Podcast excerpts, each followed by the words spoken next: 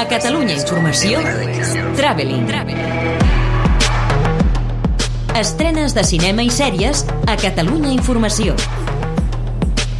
Traveling. Amb Marc Garriga. By the pricking of my thumbs, something wicked this way comes. Joel Cohen, el director de Fargo i el gran Lebowski, se separa del seu germà Ethan per adaptar de manera sòbria però molt elegant Macbeth, l'obra de William Shakespeare. Tot un prodigi visual i sonor que combina el blanc i negre amb les formes geomètriques, llums i ombres a l'estil del cinema impressionista de fa un segle i que constitueix una petita gran obra mestra. Això hi ajuden, evidentment, Denzel Washington i Frances McDormand. Es pot fer feixuga, sí, pel fet que adapta el text original sense modernitzar-ne el llenguatge o perquè la seva posada en escena és absolutament teatralitzada, però tot i això no deixa de ser un festí per als ulls i les orelles. Als cinemes, però també a Apple TV+. This job is about treating people with dignity. I'm Tony, Una altra pel·lícula excepcional, tot i que neix amb ànima de telefilm, és Help, que arriba a Movistar Plus el dia 18.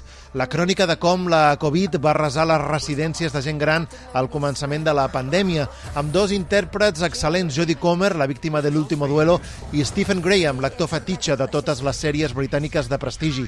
Absolutament immersiu i devastador.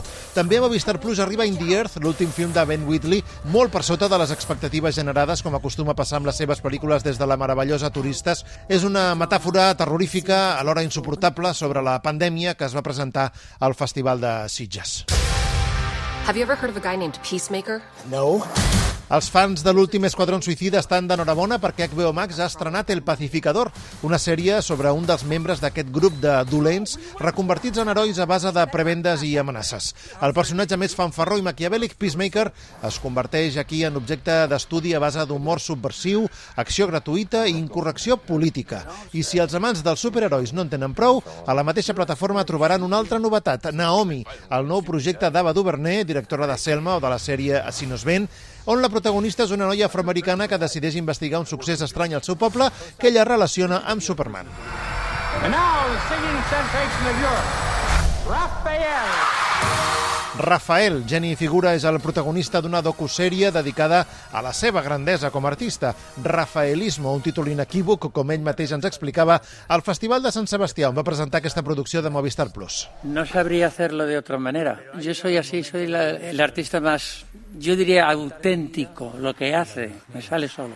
De ahí el rafaelismo. Altres sèries interessants que arriben aquests dies són el còctel explosiu d'Arxivo 81 a Netflix, la comèdia iconoclasta Somebody Somewhere a HBO Max, el drama bèl·lic Operació Búfalo a Filmin i la primera sèrie espanyola de Stars Play Express protagonitzada per Maggie Cibantos. El objetivo de la serie es entretener, pero al utilizar temas de actualidad creo que hace reflexión sobre temas muy importantes y, los pone encima de la mesa y cada uno saque sus propias conclusiones.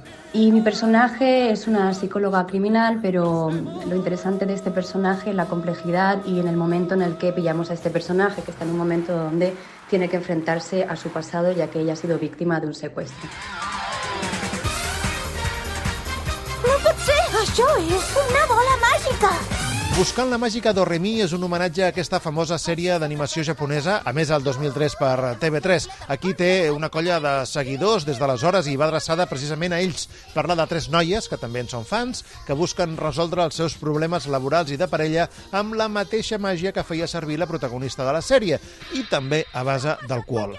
Coincideix amb l'estrena del film d'aventures animades alemany Llunàtics i amb el nou capítol de la saga Hotel Transilvània Transformania que arriba Chaque directament a Amazon Prime Video. tu arrives et bouleversée quand tu repars. C'est très dur pour elle. Tu sais, mon cœur, je vais travailler. Als cinemes també s'hi estrena Madeleine Collins, protagonitzada per Virginia Efira, la recent Benedetta de Verhoeven, que aquí és una dona que té una doble vida, amb dues famílies a ciutats diferents, però que està a punt de ser descoberta.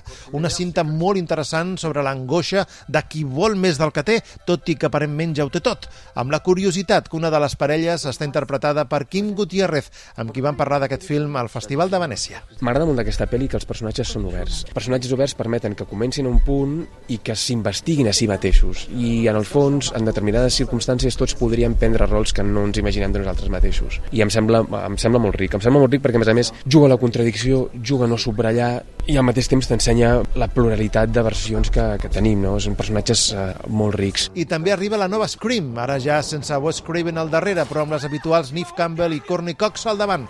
Tota una incògnita, ja que la premsa no ha tingut accés a veure-la abans de l'estrena. Traveling. Estrenes de cinema i sèries a Catalunya Informació. Amb Marc Garriga.